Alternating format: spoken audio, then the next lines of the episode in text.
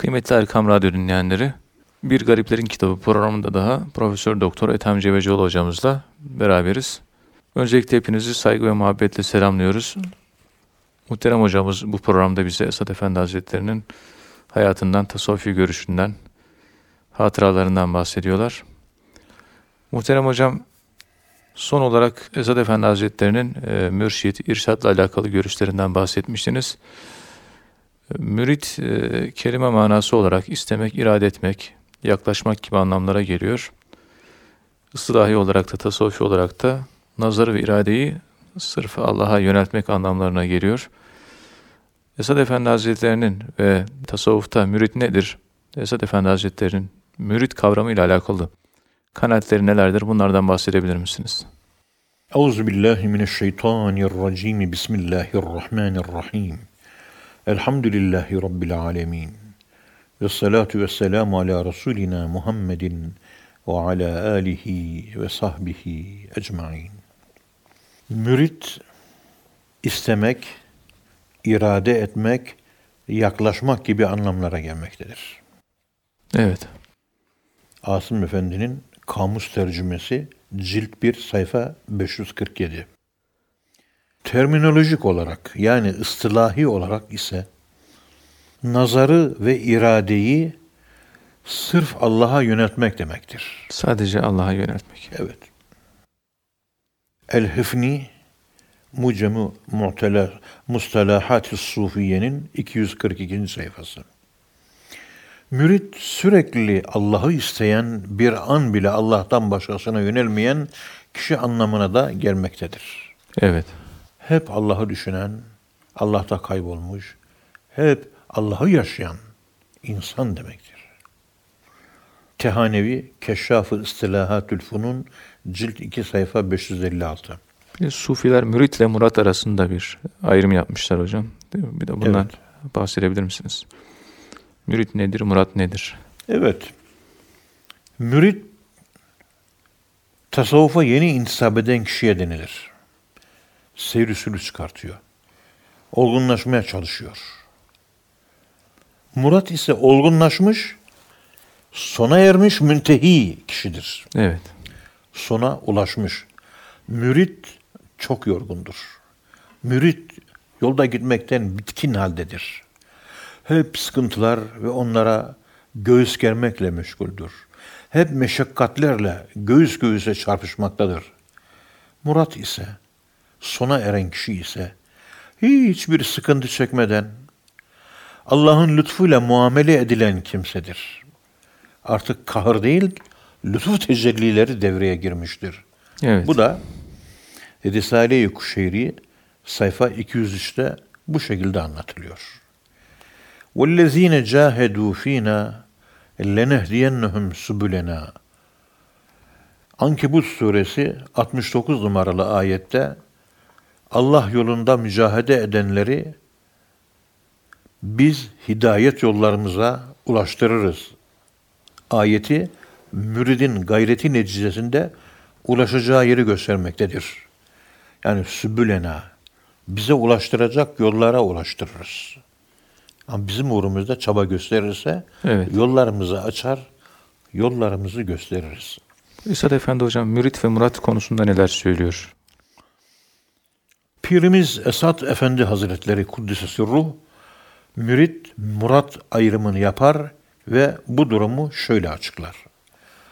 Nurları, zikirlerini geçenler muratlarına nail olanlardır. Muratları, nurları, zikirlerini geçenler murat. E, zikirlerin nurlarını geçenler de müritlerdir. Yani nurlar zikirlerine baskın olanlar anlamında. Bu nasıl anlamak gerekiyor hocam? Yani şu şekilde bir zikir çekiyoruz. Bir de çektiğimiz zikirde nur meydana geliyor. Evet. Murat olan son noktaya gelen bir kimse ya vücudunun her tarafına nur sirayet etmiştir. Evet. Nur her tarafı kaplanmıştır. Çektiği zikir yüz tane Allah'tır. Nur hakim olmuş yani. Ama uzun yıllar çalışarak evet. bütün nur vücudu kaplamıştır. Öbürü daha kaplamamıştır. Zikri çok. Ama nur daha yeni yeni cesede yayılıyor, kan damarlarına, hücrelere, kemiklere, vücut organlarına. Zikir ve nurları eşit olanlar var. Onlar da mücahitlerdir. Bir de zikirden de uzak olan insanlar var. Nurdan uzak insanlar var. Allah bizi onlardan olmaktan muhafaza buyursun diyor. Mektubatın 82. sayfasında böyle anlatıyor. Hocam bir şeyhe insap etmek anlamında inabe kelimesi kullanılıyor hocam. Evet. Ee, Esat Efendi Hazretleri de e, bu inabe kelimesinden bahsediyor. E, bu inabe ne anlama geliyor? Bu Esat Efendi Hazretleri bu inabeden nasıl şeyhe- bahsediyor? Buyurun hocam. bir şeyhe intisap ederek onun müridi olmak anlamında kullanılan bir başka tabir inabedir. İnabe terimi genellikle mürit kelimesi yerine kullanılır. Münip yani mürit. Esat Efendi Hazretlerine göre artık Rabbinize dönün ve ancak ona teslim olun ayet-i kerimesi inabenin vacip olduğunu ifade eder. İnabe ise rucu yani küfürden imana, masiyet ve muhalefetten Hak Teala'nın emrine itaate ve ona uygun hareket etmeye, gafletten Allah ve Azze Celle'yi zikre dönmektir. Zikre dönmektir. Evet. Yani şu oluyor. İnabenin tam manası dönmek anlamına olunca Allah'a isyan ediyorsan, Allah'a muhalefet edip karşı çıkıyorsan, emirlerini yapmıyorsan Allah'ın isyanına değil, emirlerine yapışmak, itaate yapışmak. Gaflet halindeysen zikre dönmek, Yani küfürden imana, gafletten zikre dönmek. dönmek. Evet. Bitti. İnabenin manası.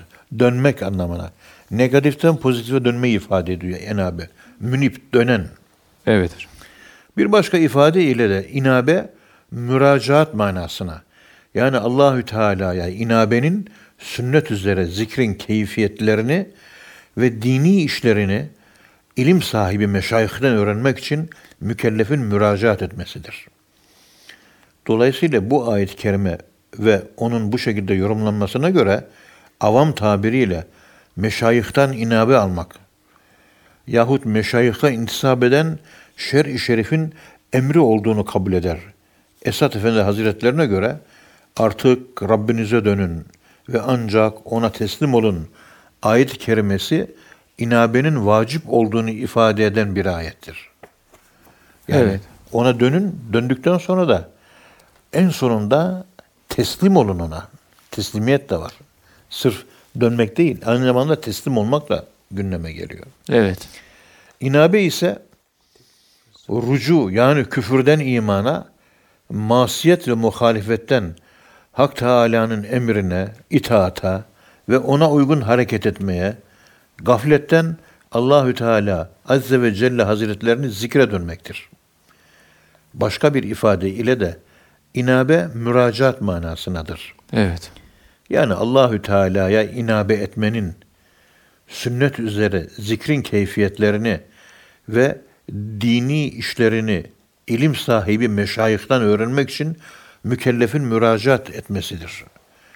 Yani Allah'a dönmek için bu işin usulünü bilen bir Allah dostuna gidip ondan ders alıp onun öğrettiği şekilde Allah'a yönelmek ve Allah'a dönmektir. Hocam burada e, müridin görevinden e, bahsediliyor.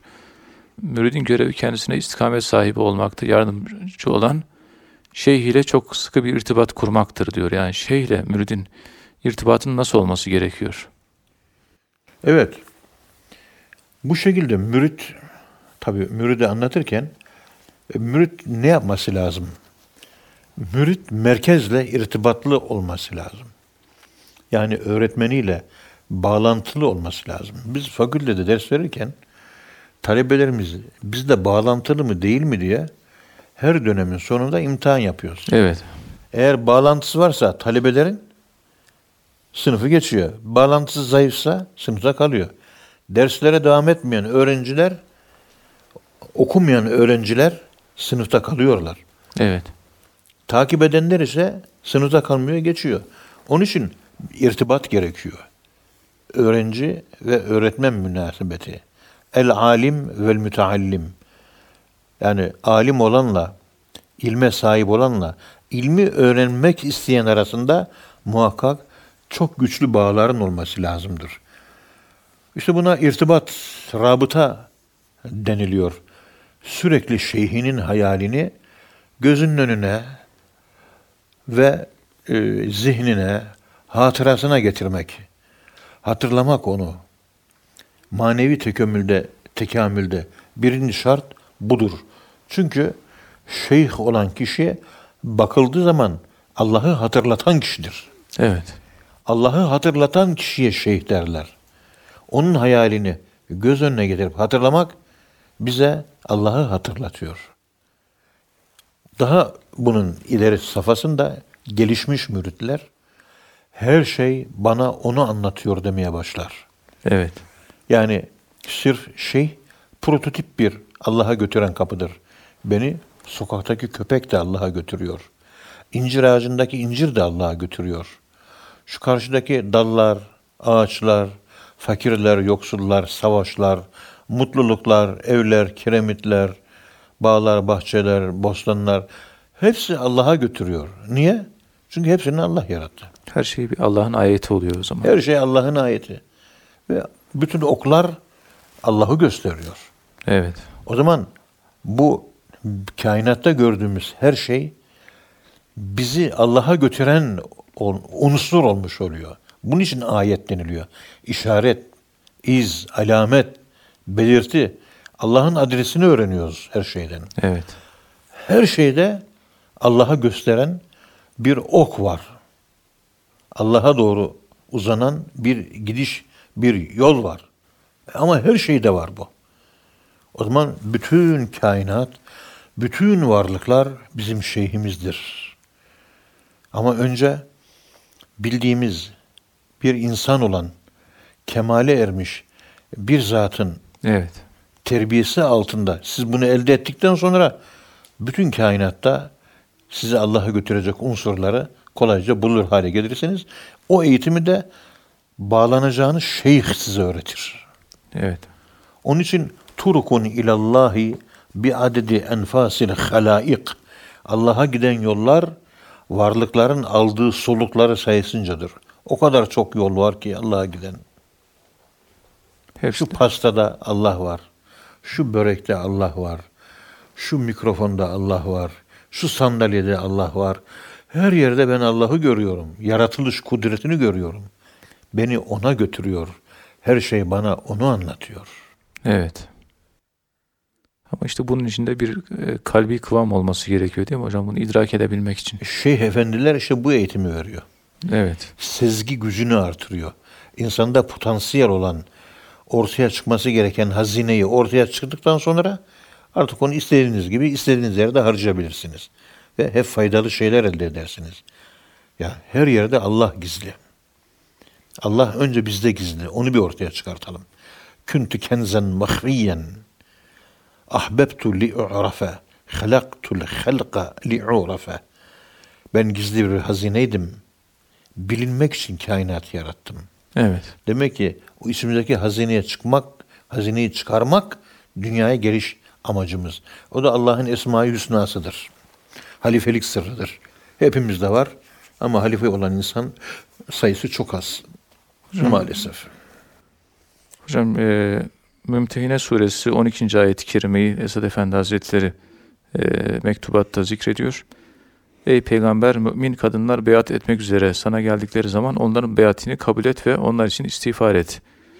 E, bu ayet-i kerimeye göre de kadınların beyatinin alınmasının e, uygun olduğunu e, ama işte bunun da bir usulünün olduğunu yani ifade ediyor. Esad Efendi buradan kadınlar da ellerini vermemek şartıyla mürşid-i kamillere intisap etmelidirler, edebilirler e, şeklinde bir mana çıkarıyor hocam. Hocam e, müritler rabıtada biraz ilerlemiş olanlarsa murakabede ihmal ve dikkatsizlik göstermemelidirler diyor Esed Efendi Hazretleri. Yani demek ki rabıta başlangıçta var, daha ileriki aşamada Murakabe e, var. murakabe var. Onu mu anlıyoruz hocam? Evet. Murakabe sürekli Allah'la beraber olma haline derler. Evet, Sürekli Allah'la beraber olmak dağın tepesine çıkmak demektir. Şeyh bir ara istasyon. Resulullah ara istasyon, Allah en büyük zirve. Biri Erciyes Dağı 3917 metre yükseklikte.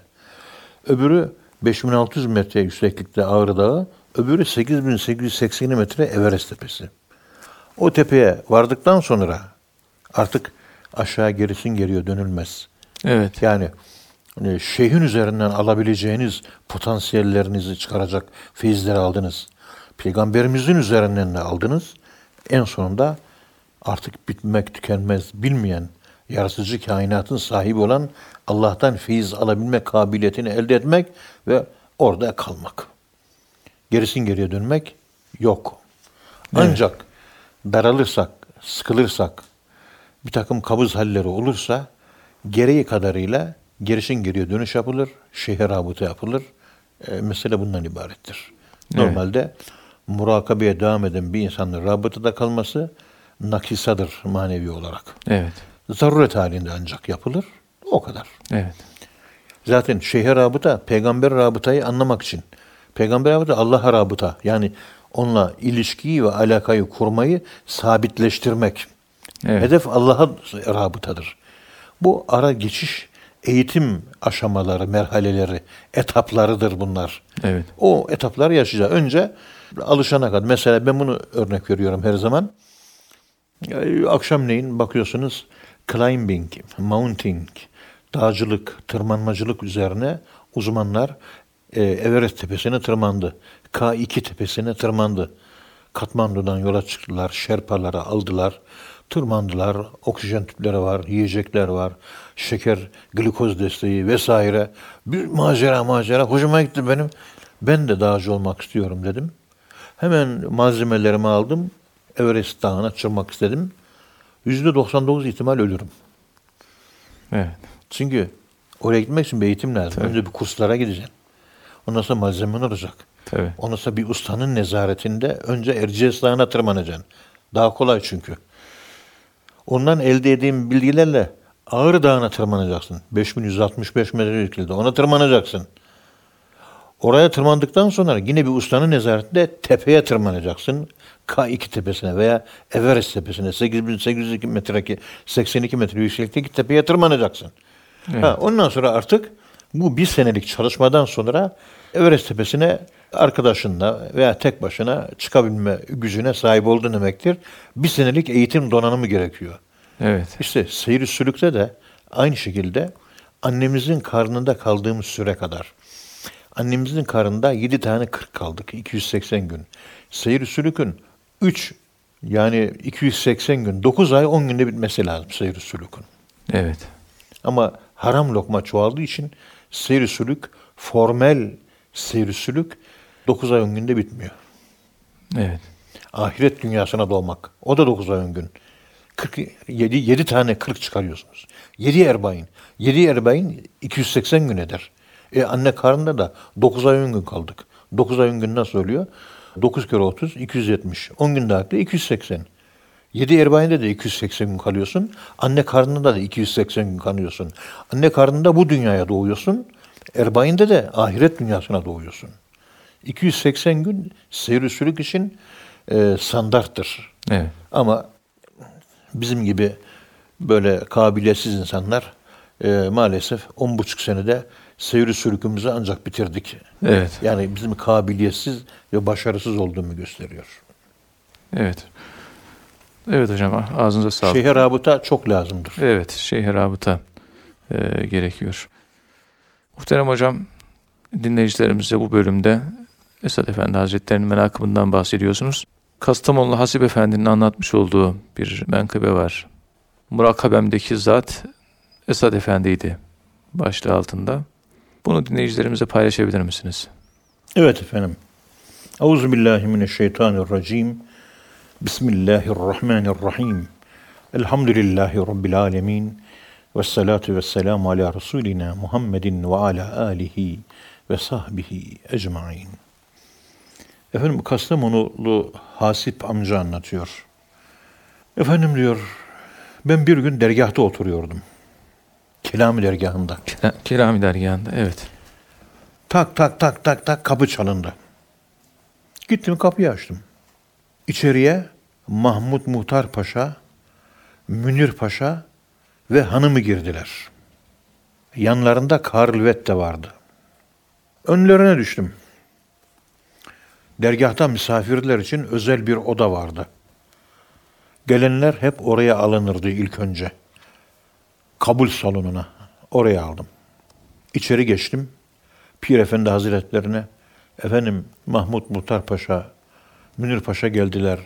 Yanlarında Münir Paşa'nın hanımıyla bir de Karvelt diye birisi var dedim. Evet. O da gülümsedi ve geliyorum evladım dedi. Pir Efendimizin gelişini beklerken aralarında yabancı dilde bir şeyler konuştular. Merakım gitsin diye bana da açıklama yaptılar. Meğer buraya gelirken Koca Mustafa Paşa'daki Sümbül Efendi dergahına uğramışlar. Orada Karlvet murakabeye varmış. Murakabesinde karşısına bir zat çıkmış. Ve o gördüğü zat Esat Erbili Hazretleri'ymiş. Evet. O sırada Karlvet'in konuştuğu buymuş. Aa işte bu zat o murakabede gördüğüm Esat Erbili demiş onlara. Esat Erbili murakabesinde Karlvet'e gel diyormuş. Yani dergaha gel. Manevi bir işaretle dergaha gelmiş Karlvet. Evet. Gel deyince gelmemek olmaz. Gitmek gerek, beklemek olmaz. Bismillahi. O görüşmeden sonra Cide müftüsü Hüseyin Efendi'ye telgraf çekelim. Ben yorgunum, halim yok. Bu Karlvet ile uğraşma vazifesini en ziyade ona havale edelim, ona bağlayalım inşallah dedi. Evet. Yani Hüseyin Efendi'yi çağırıyor. Ya Hüseyin Efendi çağırıyor.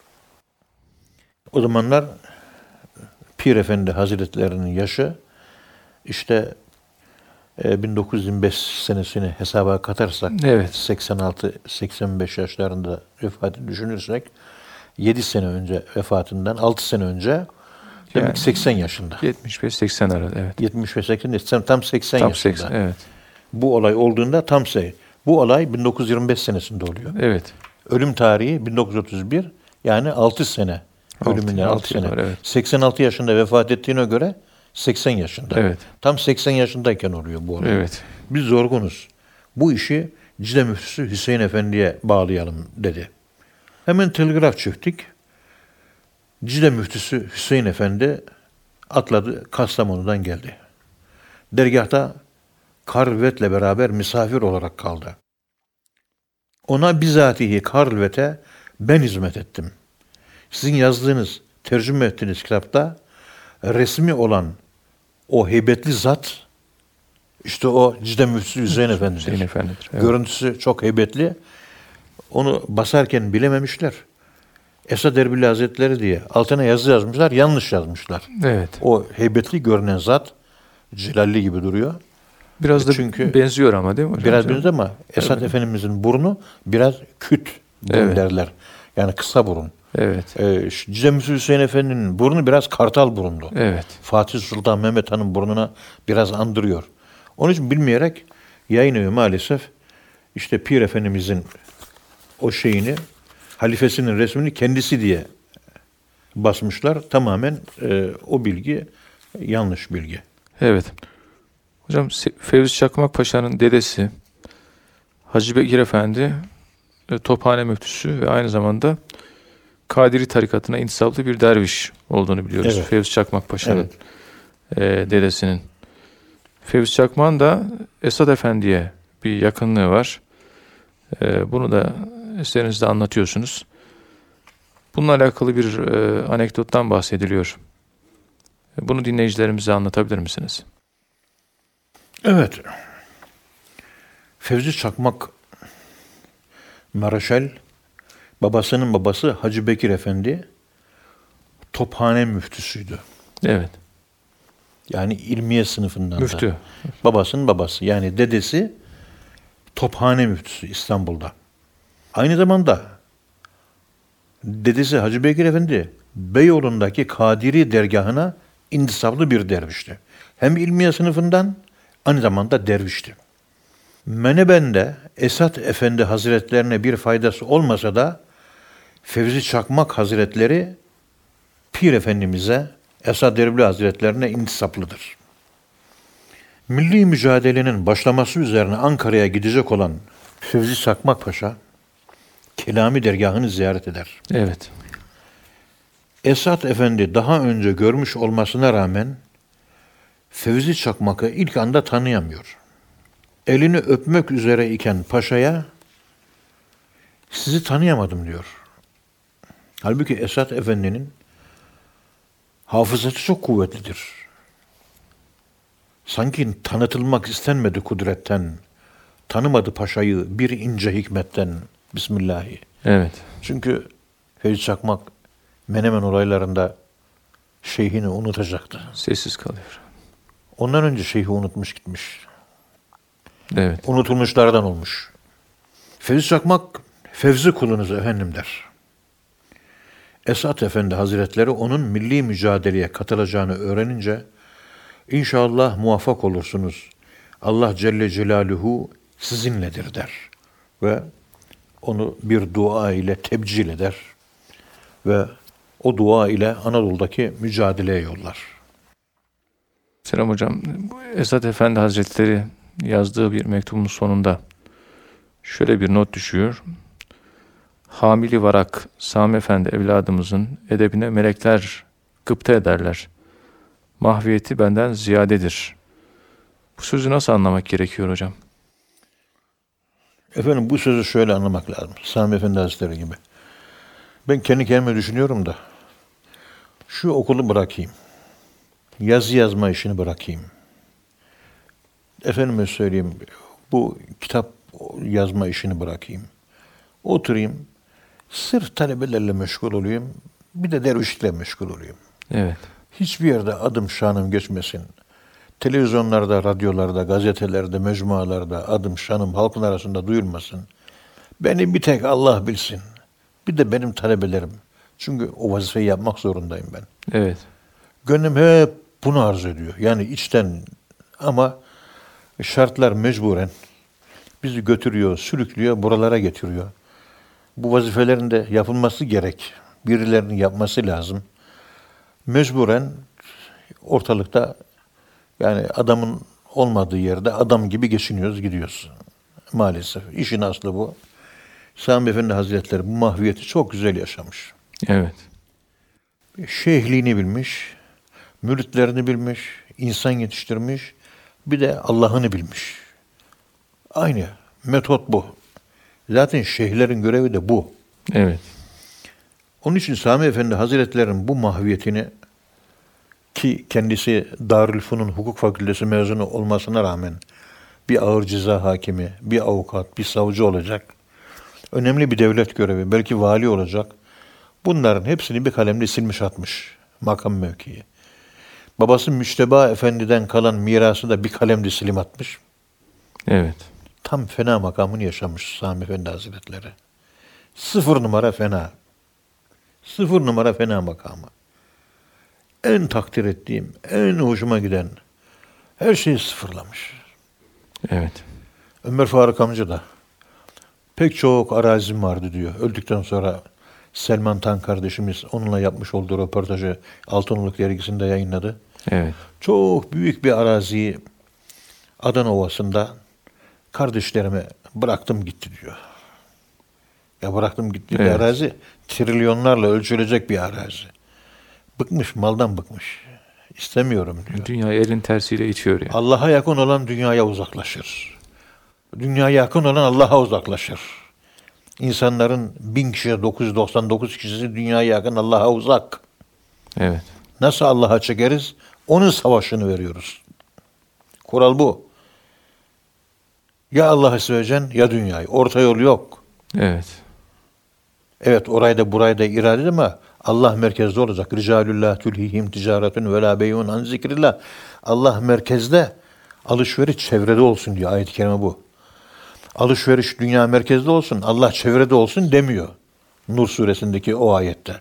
Evet. O kadar çok Allah'la meşgul olacağız ki O kadar çok Allah zikrine dalacağız ki dünya işleri, alışveriş engel olmayacak. Zikir merkezde, ticaret çevrede, periferide, çevrede olacak. Evet. Ama bugün insanlar ticaret ve dünya merkezde, Allah çevrede kalmış. Evet. İnsanlar daha doğrusu kendilerini çevreye savurmuşlar. Merkezden uzaklaştırmışlar kendilerini. Onun için baza baza heran çi hesti baza. Evet. Her ne olursan ol, sen buradaydın, merkezden uzaklaştın, buraya gel. Merkezden uzaksın, merkeze gel. Uzaktasın, kendine gel. Kendinde değilsin. Kendi kendini ötekileştirdin. Kendi kendini yabancılaştırdın. Kendine gel, merkeze gel, Allah'a gel. Yabancılaşmaktan, alienation probleminden kurtul. Çevreden merkeze gel. Merkezini bul, adresini bul. Adresin yok. Koordinatların belli değil. Şaşkınsın. Nerede olduğunu bilmiyorsun. Kendini bilmiyorsun. Kimliğin yok.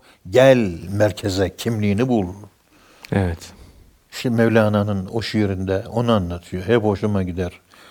Yani baza baza heran çi hesti baza. Gel, gel, yine gel. Merkeze gel. Yani hangi halde olursan ol, yine gel, merkeze gel. Ne olursan ol, yine gel. Merkeze gel ama. Evet. Merkezden savruldun. Çevreye savruldun. Sen neredesin? Sen kimsin? Sen stranger oldun. Sen alien oldun. Sen yabancı oldun. Yabancılaştın. Kendini ötekileştirdin.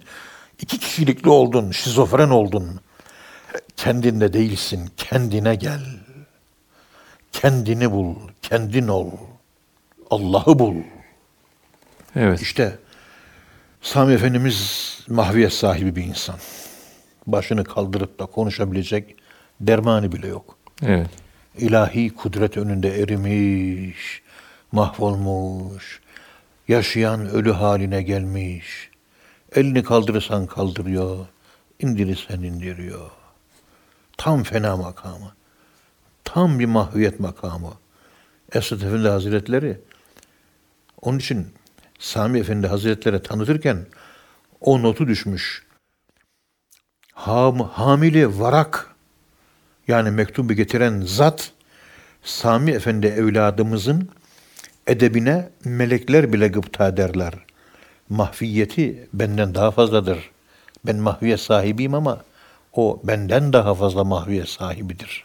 Demek suretiyle bu şekilde Sami Efendimizin mahviyetini gün yüzüne çıkarmıştır. Evet.